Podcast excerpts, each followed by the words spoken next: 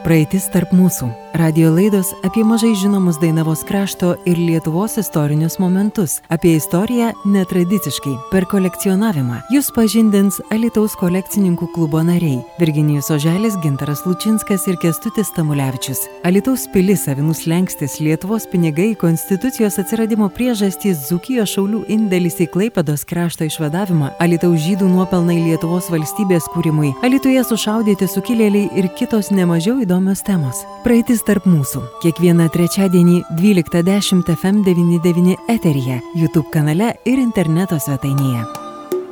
Labadiena, gerbiami klausytojai. Šiandien ir vėl trečiadienis ir mes su kolega Virgilijum Oželiu. Labadiena. Labadiena. Virgilijum. Pakalbėsime šiandien šiek tiek e, atitrūkę nuo konstitucijų, pakalbėsim apie vieną asmenybę, grafą Hotkevičių, kuris e, Lietuvos istorijoje paliko pakankamai ženklų e, žymenį ir e, šiek tiek e, pakalbėsime apie tai, kaip jisai gyveno, nes jo gyvenimo prasme buvo pakankamai įdomi ir originali laikmet, tam laikmečiai. Taigi, 91 metais, kada abiejos, abiejų tautų respublika paskelbė savo konstituciją, po dviejų metų e, Targovicos e, konferencijoje jinai vargšė numirė, va, nes pats e, karalius nusprendė, kad e, jinai jau kaip ir atgyveno. Ir po to e, abiejų tautų respublika pradėjo gabalais draskytis, draskytis, draskytis. Na ir taip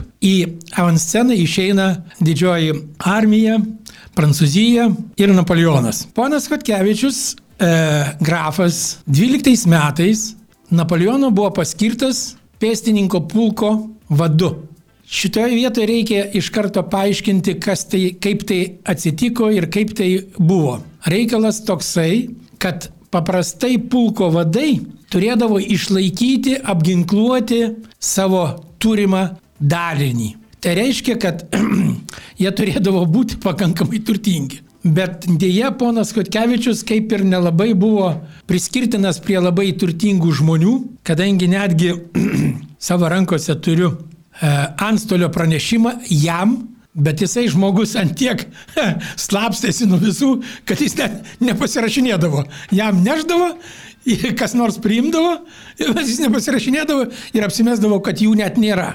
Tai pirma mintis, kada žmogus neturtingas, pakankamai, pasakykim taip, santykinai, santykinai neturtingas, tai visą laiką kyla mintis, kad tuo metu, nu, aristokratija, ir jie, ar kaip jie ten pavadinus, na, turėjo tam tikras nuodėmes. Tai degtinė, kortos, moterys, ginčiai tenais, nu visokie va tokie dalykai. Tai visą laiką mums ir kildavo asociacija, kad, na, jeigu jau nuskuro, Tai vadinasi, jau, jau jis kažkur tai prisidirbo, nu jisai kitaip, kitaip mes, nu vat, bet čia mes bevartydami vieną knygą, kuri atsitiktinai man į rankas pakliuvo, čia va ta situacija, apie kurią aš minėjau. Kas vienam niekas, man pasirodė, kad tai įdomu, tada Virginijus įsijungė, tai tada paaiškėjo, kad tai labai įdomu. Tai va į rankas pakliuvo Nehotkevičiaus namų knyga kurioje tenais išvardinta, kas ten, kur ten, kaip tenais vyksta, tai to Virginijus ten smulkiau paaiškins.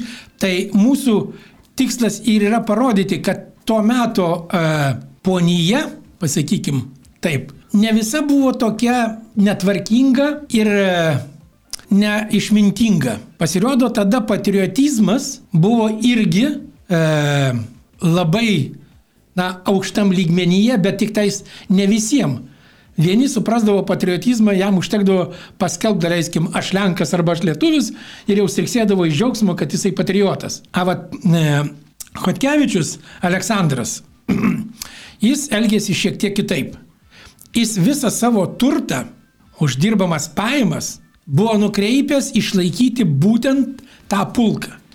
Bet kadangi jo pajamos buvo nekažinkokios, tai reiškia, kad jisai turėjo skolintis ir netgi pats Napoleonas šitų pulkų formavimui tada buvo, suku, e, buvo e, Napoleonas paskelbė, kad bus į, e, sukurti penki pėstininkų pulkai ir, ir keturi kavalerijos pulkai.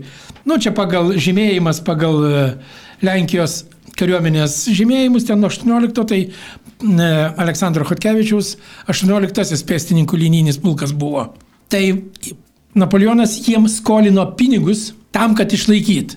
Ir dar vienas niuansas, Hotkevičiaus pulke gal 700 žmonių tai buvo dezertyrai iš rusų armijos, kadangi jie ten ne kažko tai buvo nepatenkinti, nelaimingi, nu vienu žodžiu. Nu labai lupdavo juos, jeigu už prasižengimą tais e, šompolais, grūstuvais kareiviai vesdavo perikiuotę, sustato tavo draugus, tave ten pririšta tempia ir iš abiejų pusių kiekvienas, pro kurį praeini, turi šompolų tau per kuprą užvažiuoti.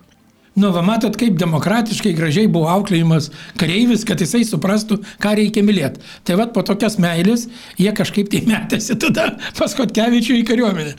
Bet vieno kareivio išlaikymas būdavo labai brangus. Nes netgi uniformos siuvimas tai nebuvo kaip dabar nu, daug maž, kad ten būdavo dydis, ūgis ir visa kita, tada buvo daug maž keli standartai ir ar tu didelis ar mažas šitą problema. Vienam, supranti, duodavo iki alkūnių tą švarkelį, o kitas ten tam švarkelį paskesdavo. Nu tai čia jo būdavo reikalas, kaip jisai tenais. Netgi ir guzikai būdavo nevienodi, sagos nevienodos. Kadangi vėlgi jų gamyba kainuodavo, tai jeigu kas turtingesnis, tai be jokios abejonės galėdavo normaliai daryti, o kiti tai, nu, kokias kaip galėdavo. Dar, dar va tik tadėt galima, kad tas buvo ir tų rekrutų šauktinių standartas, neimdavo mažesnio negu ten metras, kiek ten 50 kažkiek, kad visai ten parklio papilvę ne, ne, ne, negalėt palizdinėti kažkiek. E, dydis buvo neribojimas, kuo didesnis, tuo baisesnis. Dargi uždėdavo nuo tos kepurės, kaip atsimena, ir tuose filmuose rodo aukštos labai tie šakai, tai kad taip, taip. iš toliau atrodytų dar didesnis ir įkvėptų priešui daugiau baimės. tai e, šitoje vietoje irgi galima, e, tęsiant kareivių temą, pasakyti, kad viliojant į kariuomenę lietuvių pulkus, taip, buvo pasakyta, kad tarnausi šeši, šešerius metus. Ne 25 metus. Kaip pasara. Taip, bet šešerius. Nu tai čia kaip ir stimulas šioks toks buvo. Nu, bet vis tiek. Tai jau iš būdžiavos išeidavo žmogus. Nu, tai taip, ir tada dar dadėjo, kad ir gausi dar ir žemės kokį ten lopą kažkur tai, mhm. pamiškėjai ar patvariai, kur ten nesvarbu, tai jau buvo motivacija tam kareiviui eiti į kariuomenę. Bet net ir tokiu būdu vis tiek norinčių būdavo mažai. Taigi tai ten tada, šaudo, gali netyčia tai, ir užmušti, kaipgi. Ne, nu tai tada gaudydavo juos. Atsiprašau, smuklėse ten dar kažkur tai ten. Duodavo išgerti nemokamai, taip, taip, paskui, taip, taip. paskui prispaudė pirštą ir jau taip, tu, jau tu, taip, taip, tu mobilizuotas, taip, taip, jau viskas. Tai ta prasme formuoti tuos pulkus lietuviškuosius. Beje, uniformoje lietuviškųjų pulkų Napoleono armijos Suprantat? Lietuviškojų pulkų ten būdavo vitis. Taip. Ne realis, ne kažkas tai, bet būtent vitis. Ir ant tų didelių kepurių, kaip jos ten vadinasi. Nu, čekais vadina tas savo. Nu, va, tai, tokios tenais, supranti, visose kokarduose, kur tenais, tai būdavo vitis. Ant šovininių toks. Taip, taip, taip, taip, taip. Tai reiškia, kad nuo Lietuva kaip po tokia, nu, buvo ir e, didžiosios armijos dalis kokia jinai ten ta dalis buvo, nes jinai šiaip tai tie pulkai nespėjo. Mūšiuose ten kažkur tai nespėjo. jie susiformuoti spėjo, ne jie dalyvavo kažkokiuose tai dideliuose mūšiuose, ar dar kažką tai, nu tiesa, paskui e, e, Hotkevičius su savo šitas kaip tas prie Varšuvos pilyje įsitvirtinęs. Modlino tvirtovė gynė, gynė iki 813 metų ir tik tai, kai kapituliavo jis ten jau pabaigoje modlinė Tai paimtas buvo į nelaisvę, paskui jau jį amnestavo, ten jau 14-15 metai vienos kongresas įjungė tas buvusią Varšuvos kunigaikštystę didžiąją dalį kaip Rusijos imperijos sudėti autonominė Lenkijos karalystė. Caras Aleksandras visiems kovojusiems Napoleono pusėje paskelbė amnestiją, iš, išleido iš nelaisvės grafą, iš, išėjo į dimisiją Čia visur rašo ta, tam tuose rankraščiuose jam pulkininko laipsnis. E, pažiūrėjau literatūroje kitur, kad į dimisiją išleista su brigados generolo laipsniu, bet tai čia toks jau tik tai pamaloninimas, kad tu jau eik didesniais antpečiais, bet tu jau prie kariuomenės ne, neturi prisilietimo. Šito nebuvau užtikęs, nežinojau. Tai aš daug čia ko turiu užtikęs apie tą mūsų grafą. Tai dabar kaip tik. Gal dabar nuo, nuo pradžios pradėsim, kaip tas rankraštis atsirado pas kestutį, jis ten pat žino, jisai man e, buvo tokia istorija įdomi, atneša man rankraštį, sako, tu paskaityk, gal čia ką turi, ten senąją lenkų kalba viskas yra. E, paskui paliustruosim, kuo ta senoji skiriasi nuo naujosios, tik neskaitysim lenkiškai. Iš to laiko tarp turim tekstą lietuvių kalbą. Klausytojams gal bus įdomu. Taigi atneša kestutis man tą rankraštį, atverčia vieną puslapį, ten parašyta Trečio gegužės, trys ir maja, nusako, žiūrėk, čia turbūt konstitucija. Aš čia čiupau skaityti, viskas rankraštis rašyta, nu pasakysiu, braižas nevienodas, ten rašyta gal aštuonių žmonių. Ir tam rankraštį vis tik yra laiškų korespondencijos nuorašai. Tai nėra originalus, bet kažkas perrašinė, tarkim, siunčia, ten grafo prievaizdas toks, e, ale ponas Edmundas, kaip pas grūinių buvo, ten tas prievaizdas savęs neįvertina, nu, ekonomas ar kas jis ten pagal pareigas. Ir nuorašą e, e, siūsta grafui, siūsta teisėjui, siūsta antstoliui, siūsta į Peterburgą grafui Potockiui, siūsta kreditoriam. Visada pasirašo, kur rašyta Vilnius, Gardinas, Nugardukas, Varšuva ir data būtinai prie kiekvieno to nuorašo.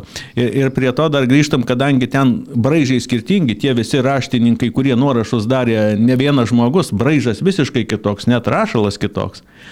Tai gal iš tų aštuonių braižo variantų vienas man praktiškai neskaitomas. Čia sakau, reikia vaistininko. Aš e, kit, nu, kitus daug maž įskaitau, tekstą. Žygiai šitą suvokiu. kryptim daromi, kad suras kažką, tai kas ten taip, vaistininkas atsirastų, kuris galėtų ten jau e, labai konkrečiai, preciziškai išvers, nes vis dėlto terminija tada ir dabar skiriasi. Manęs reikia, nu, būti pasikaušius. Nu taip, aš tik tai e, bendrom temam ten truputį pavarčiau, kiek siekia mano žinios, aišku, ką aš sugebu perskaityti, aš sugebu ir išversti, bet čia klausimas sugebėk perskaityti žmogus, kas parašyta kairė ranka ir dar stovint ant vienos kojos greičiausiai. bet tai šiek tiek tos lyrikos. Dabar, dabar e, apie patį grafą pasitikslinus, jo, jo tokia biografija, jisai gimė Ukrainoje, tokioje žymioje vietovėje kaip Černobilis. 776 balandžio 6 ir jau 18 metų jam buvo, kai prasidėjo Kostiuško sukilimas. Nu, jis 18 metais rašo ten visur, kad jis dalyvavo. Ne, nu, nežinau, kiek jis ten 18 metų galėdamas buvo dalyvauti, kažkiek gal ten daliniui kažkokiam vadovauti buvo ryškiai per jaunas. Nu, galėjo savo ten kažkokių pasidaryti nedidelį, nedidelį dalinuką, ap, apginkluotis, tai jis turėjo iš ko. Čia mes vat kalbėjom, kad jisai buvo toks nelabai turtingas. Nu, nežinau, pasižiūra į statistiką, tam pačiam rankraštį duota. 1811 metų vadinamas e, toks registras. Registras, jis pasirodo jau po visų padalyjimų, visos jo valdos priklausė Rusijos imperijoje. Ten buvo tokia tvarka, kiekvienas dvarininkas nuo savo baudžiauninko turėjo mokėti vadinamąjį pagalbės mokestį. E, ir vadinosi rusiškai padušnai nalog, tai pagal dušios, tai visi skaičiavo žmonės tuo savo baudžiaunikos dušiom. Niuansas tame, kad už moteriškos lyties baudžiaunikis nereikėjo mokėti nieko. Ir vaikus. Ir, vaikus iki 10 metų. Taip, taip. Vaikus tai aišku suprantama, nes vaikų mirtingumas buvo didelis, tu ten tuos e, vadinamus surašymus darydavo kas, kas 10, kas, ar, ar kas 5 metus tikrai nedažniau, tai tarkim galėjo priversti paskui už nesamą jau žmogų mokėti. Tai va, dabar pasirankėjau iš to rankraščio tokią statistiką. Mūsų ponas Aleksandras turėjo Lietuvoje tris dvarus. Didžiausias buvo šalčininkai, turėjo 318 dušių, už kurias mokėjo mokestį.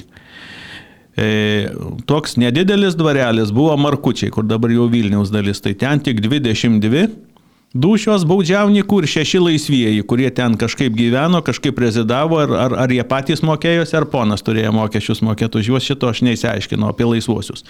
Ir arčiausia mūsų tai buvo jo valda Onuškis. Jau čia trakų pavietą skaitėsi. Nu tai toks 165 dušios plus 11 laisvų. Ne, na tai Virginijau, čia vat, pagal šitos šimtus, tai vis dėlto negalima pasakyti, kad jis buvo jau aptekęs turtais. Palaukit, čia tik Lietuva. Tai, tai, tai palaukit. Dabartinė. Dabartinė Lietuva. O mes turim dar, dar e, du. Va, va. Valdas. Taip, taip, va dabar antroji vietoje nuo galo eina Baltarusijoje dabartinė jo valdos. Tai ten Petrikovas, Turėcas, Kopilai ir Mažiekavas. Ten e, gubernijos Minsko. Bresto ir panašiai. Tai ten per visus dvarus, kiekvieno neminėsim, jau 9 tūkstančiai dušių. Čia jau rimčiau. Nu ir paskui karūna ant visko. Ukrainoje dabartiniai e, Kijevo ir Volinės gubernijose valdė dvi pagrindinės valdas, neskaitant Palivarkų. Tai buvo Amlinovas, kuris jam ten ir gyvenimą paskutinės metus gyveno, ir gimtinė Černobilis. Toks garsus, garsus pavadinimas. Tai per abu tuos visas tas gubernijas, per tas valdas turėjo dabartinėje Ukrainoje 11 tūkstančių dušių. Tai suma sumarum, žiūrėkit, 20 kažkur 20,5 tūkstančio baudžiauninkų, kurie turi šeimas, kur žemės viskos. Tai pa- pa- pajamas, jeigu jas teisingai reguliuojant, tai tu turi tas pajamas jau rimtas rimtas.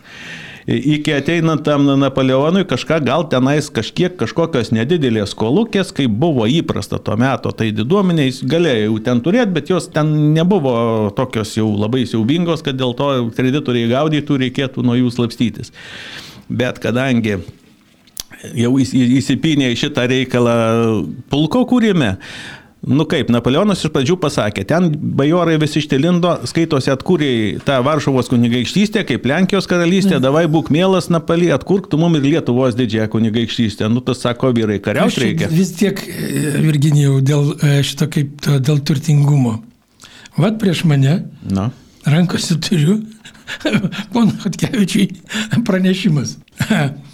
E, 1800, nu, data čia neįrašyta, tai vadinasi jau, Jau po- po, po deši, po, de, po dešimtų, Taip, taip, taip, po taip. dešimtų kažkur tai. Ne, tai po, kar, po karų jau Napoleono, čia tas reestras mūsų prasideda nuo 15 metų, tas rankraštis 15 metų sausio pradėtas. Taip, teisingai, bet tas, kadangi ten tiksliai datos nėra, tai galima diskutuoti, ar jau po 15 metų šitas pranešimas, ar iki 15 buvo. Aš turiu omeny ką? Kad jam iš Vilniaus į Varšuvą šviesiajam ponui pulkininkui Hotkevičiui įsiunčia pranešimą. Ne, Tai jisai, sakau, paima tą pranešimą, tai vadinasi apie, kaip čia pasakyti, ypatingai turtingą žmogų. Nu, nemanau, kad e, antstoliai gainiotųsi po visą tą šalį, ieškodami, kuris pasislėpė.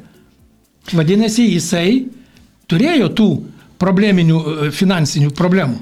Tai čia gal tik tai mūsų nuomonė skiriasi laikė, kaip tas neįrodyta, kad po karų vis tik tai įrodyta. Jis tenais tuose raštuose yra prašyti to saliginio pono Edmundo karo nuostoliai, kiek kokiam dvarui suteikė. Ir ten sidabro rubliais, vienu žodžiu. Bet tai dar vien, vienam rašte yra tokia užuomina apie skolų bendrą sumą. Pasirodo, 13 milijonų zlotų buvo skolos. Tie kreditoriai, kreditoriniai reikalavimai. Kadangi tu pagal to metų jis skaičiavo zlotais, bet realiai viskas atsis, nu, buvo, tai autonominiai pinigai, bet čia vėliau, ne apie tai ne- nesigilinsim. Jie buvo mm, tik autonominiai karalystėje, o, o tos pagrindiniai visi jo dvarai buvo ne autonominiai, ten gubernijose Ukrainos, Baltarusijos ir Lietuvos, tai įkonvertavus į rublius sidabru, tai buvo 2 milijonai kažkur sidabro rublių. Vėlgi, kodėl sakau sidabro? Todėl, kad buvo dvi valiutos - sidabras ir asignacijos, kurių buvo vertė ne vienoda. Tai kada 2 milijonai, tai tu ir turėk, kad ir 20 tų tūkstančių baudžiauninkų, kad ten netai paprastai iš jų paimti tuos, tuos pinigus. O kreditoriai, jie tenais tuos, tuose rašėsi vis tik tai dalykuose. Maždaug po 20 minučių, prašau, Virginijus pasitaiso ir sutinka, kad vis dėlto Hotkevičius Ne, tai jisai tų turtų niekas iš jo dvarų netėmė, bet realiai jį, jį skolos ten mes spaudė. pajamas turimas. Ten tie visi dvarai, baudžiavininkai, tenais visą kitą, bet naudingumo prasme jam buvo sudėtinga. Nu, jisai. Nu, per dideli kreditiniai Taip, įsipareigojimai. taip, taip, taip. Ir čia. Ir ten Tik- gim, giminė sanavo tas jos skolas, jos sesuo buvo už kunigaikščių radvilos ištekėjusi, tenais irgi giminė savų nemeta, ten jis pats jau nebuvo ten prie caro rūmose mėl, mielai priimtimas, kad ir amnestuotas, bet vis tiek e, Napoleoną rėmės ir ten sėdėjo Peterburgė toks grafas Potockis, kai kurie ten laiškų norošai buvo tenais per jį, to, jis į, Rusijos ten caro senatą kreiptasi, viskas, kad nu, kažkaip įsivartyti bandė. Vienu žodžiu, kažkokią tai protekciją ieškojo žmogus. Tik tiek niuansas, kada jis nukamuotas jau skolų, tai jau vietoj pra, pagarbą praradęs, iliustruoja tas toksai dalykas. Jis valdė šalčininkus ir dabartinę rūdininkų gyrę. Tenais buvo jo, ten tuose raštuose ją mini kaip šalčininkų dykra, nu bet ta pati ten praktiškai, tik tai pavadinimas kitoks. Miškas taip pat pajamas duoda šiais laikais nemažas, ir tais laikais taip pat duodavo. Ir ta, ten buvo toks kažkoks kaimelis, plik bajorių, kurie ten gyveno kaip kaimiečiai, bet priklausė bajorų lomui. Ir jie pradėjo, aha, grafas reiškia valdžios nemaloniai, pats tenais ir pradėjo to mišką tą naudoti, ribas perkeldinėti jo yra ten tuo prievaizdo įrašai. Taip pat medininkų dvarininkas Den ribų pradėjo kelt klausimus, kada, supranti, žmogus prie valdžios, e, ribų klausimai nekyla. Kada tu kažkoks jau ten pastumtas, tai atsiranda visi, kurie, nu kaip tai lietuvių patarlė, palinkus į karklą visos oškos graužė.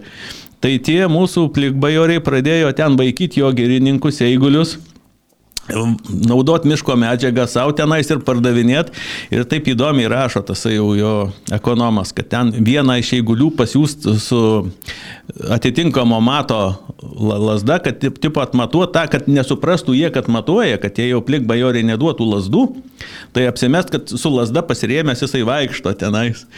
Ir, ir ten dar, dar skundais ir pats į teismus davė tuos, bet, nu, vėlgi, ten to, tokie įdomus, čia tik nu, niuansas. Kodamas naudosis irgi labai gražiai tenais yra parašyta, kaip jisai duoda nurodymus teisėjai tenais. A, pensiją mokėtų. Tūkst... Kiek ten girtyti, ja, kiek ten šertant, ką. Tūkstantis ten... rublių į metus tokia pensija ir paskui ta natūrinė duoklė kaip tais metais. Tiek tai bačko avižų, tiek tai žasų, tiek tai jaučių, tiek tai ten paršelių, tiek tai kaž, kažkokių kviečių, tiek, tiek vienu žodžiu. Čia, kad ir tais ir šiais laikais, nu, tų tokių užkulisinių veiksmų visą laiką būdavo. Labai didelė dalis tų laiškų adresuotų konkrečiam teisėjui. Dabar pavardės vat, ne, nepasakysiu, bet teisėjui tenais kažkoks be, su antstoliu kažkokie reikaliukai, advokatui vokišką pavardę, nu ir kažkokiam ponui Petravičiui į Peterburgą, kad ten su, su grafu Potockiu kažką bendrautų ir senatų įtakotų kad vienu žodžiu iš tų skolų vartytis kažkaip, bet tai skolas jisai žmogus ėmė vis tik tai tą pulką norėdamas kurti.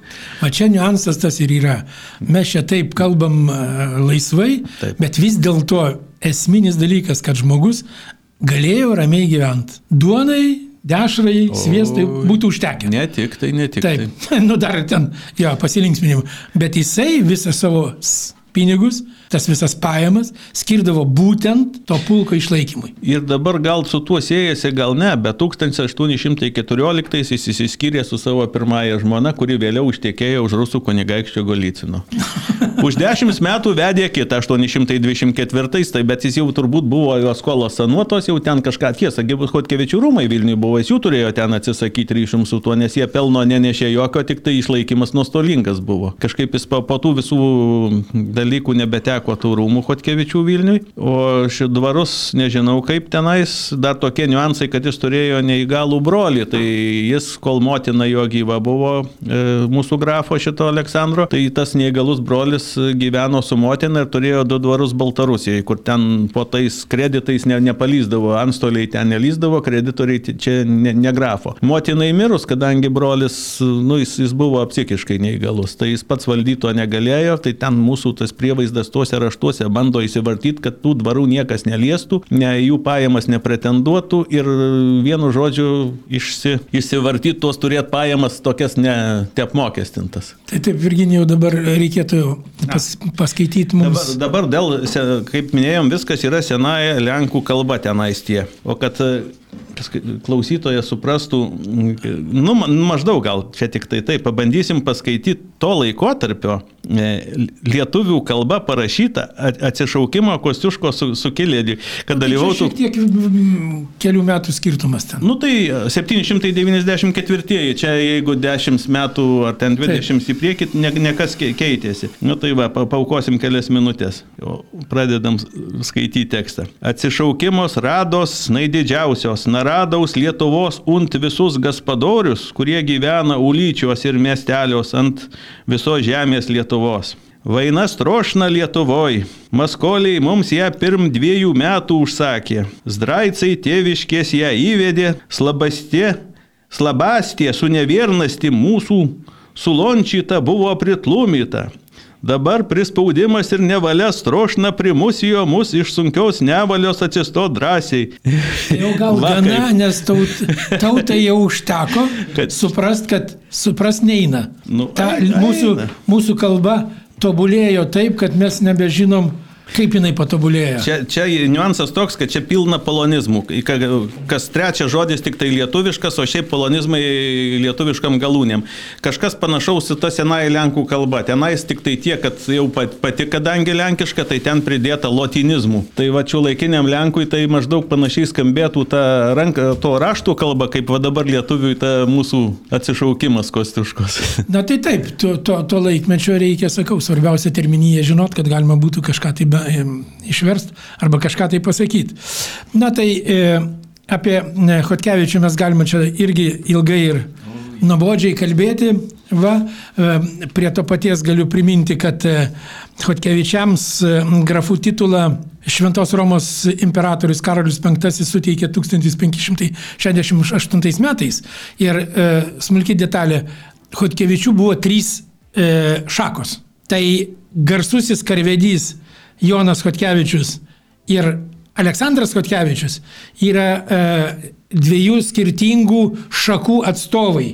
Bet, e, nu kaip čia, istoriografiškai žiūrint, jie vis tiek turi bendrą tą pačią šaknį. Nu kaip aš sakiau, kažkada tai mes visi nuo Domo ir Jėvos. Dar va toks niuansas, kodėl turėjo tuos titulus suteikinėti svetimos valstybės valdovas. Niuansas toksai, kad pas mus e, kažkuris 17 amžiuje abiejų tautų Respublikos Seimas nustatė, kad visi bajorai, nesvarbu kurie kunigaikščiai ar kas, yra lygus. Ir, o vienu žodžiu nepripažino, tu neganiu, esi išliekta ir viskas, ne grafas, ne kunigaikštis. O tai mūsų gudrieji apie įmą padarė, jis kreipėsi į Austrijos imperatorių, Šventosios Romos imperijos tada imperatorių, į pamaloniną atitinkamą sumą ir tu grafas, tu kunigaikštis. Dar labiau pamal, jau kunigaikštis, tai Varadvilos kunigaikščiais tapo tapo Šventosios Romos imperijos, Hotkevičiai grafais, ten kitus ne, nesigilinsim. Na, na vienu žodžiu, visi buvo laimingi. Tai čia, ta tradicija niekur nedingo, mūsų kai kurie merai, kai kurių savivaldybių taip pat buvo nusipirkę bajorų titulus, tik dabar nenaudoja, nežinau kodėl. Na tai čia gerai, čia humoro gaidelė mes galim užbaigti, čia bet tiesa. aš noriu, čia niekas nebejoja, kad čia tiesa, mes vien tik tiesą kalbam. Tai noriu pasakyti, kad e, artėja Konstitucijos diena, 25 dieną, 17 val. bibliotekoje bus e, paroda ir pristatymas. E, va, ir ten plačiau apie konstitucijas pakalbėsim, kas domisi, ateikit, pabendrausim, pasikalbėsim, pasižiūrėsim. Va, na, o šiandien mūsų laida kaip ir baigėsi, taigi iki sekančio trečiadienio Iki malonaus pasikalbėjimo. Iki pasimatymo. Iki. Praeitis tarp mūsų. Radio laidos apie mažai žinomus Dainavos krašto ir Lietuvos istorinius momentus. Apie istoriją netradiciškai, per kolekcionavimą. Jūs pažindins Alitaus kolekcininkų klubo nariai - Virginijus Oželis, Gintaras Lučinskas ir Kestutis Tamulevičius. Alitaus pilis, avinus lenkstis, Lietuvos pinigai, konstitucijos atsiradimo priežastys, Zukijos šaulių indėlis į Klaipados krašto išvadavimą, Alitaus žydų nuopelnai Lietuvos valstybės valstybės kūrimui, Alitoje sušaudyti sukilėliai ir kitos nemažiau įdomios temos. Praeitis tarp mūsų. Kiekvieną trečiadienį 12.10 FM99 eteryje, YouTube kanale ir interneto svetainėje. Projektą dalinai finansuoja Lietuvos kultūros taryba.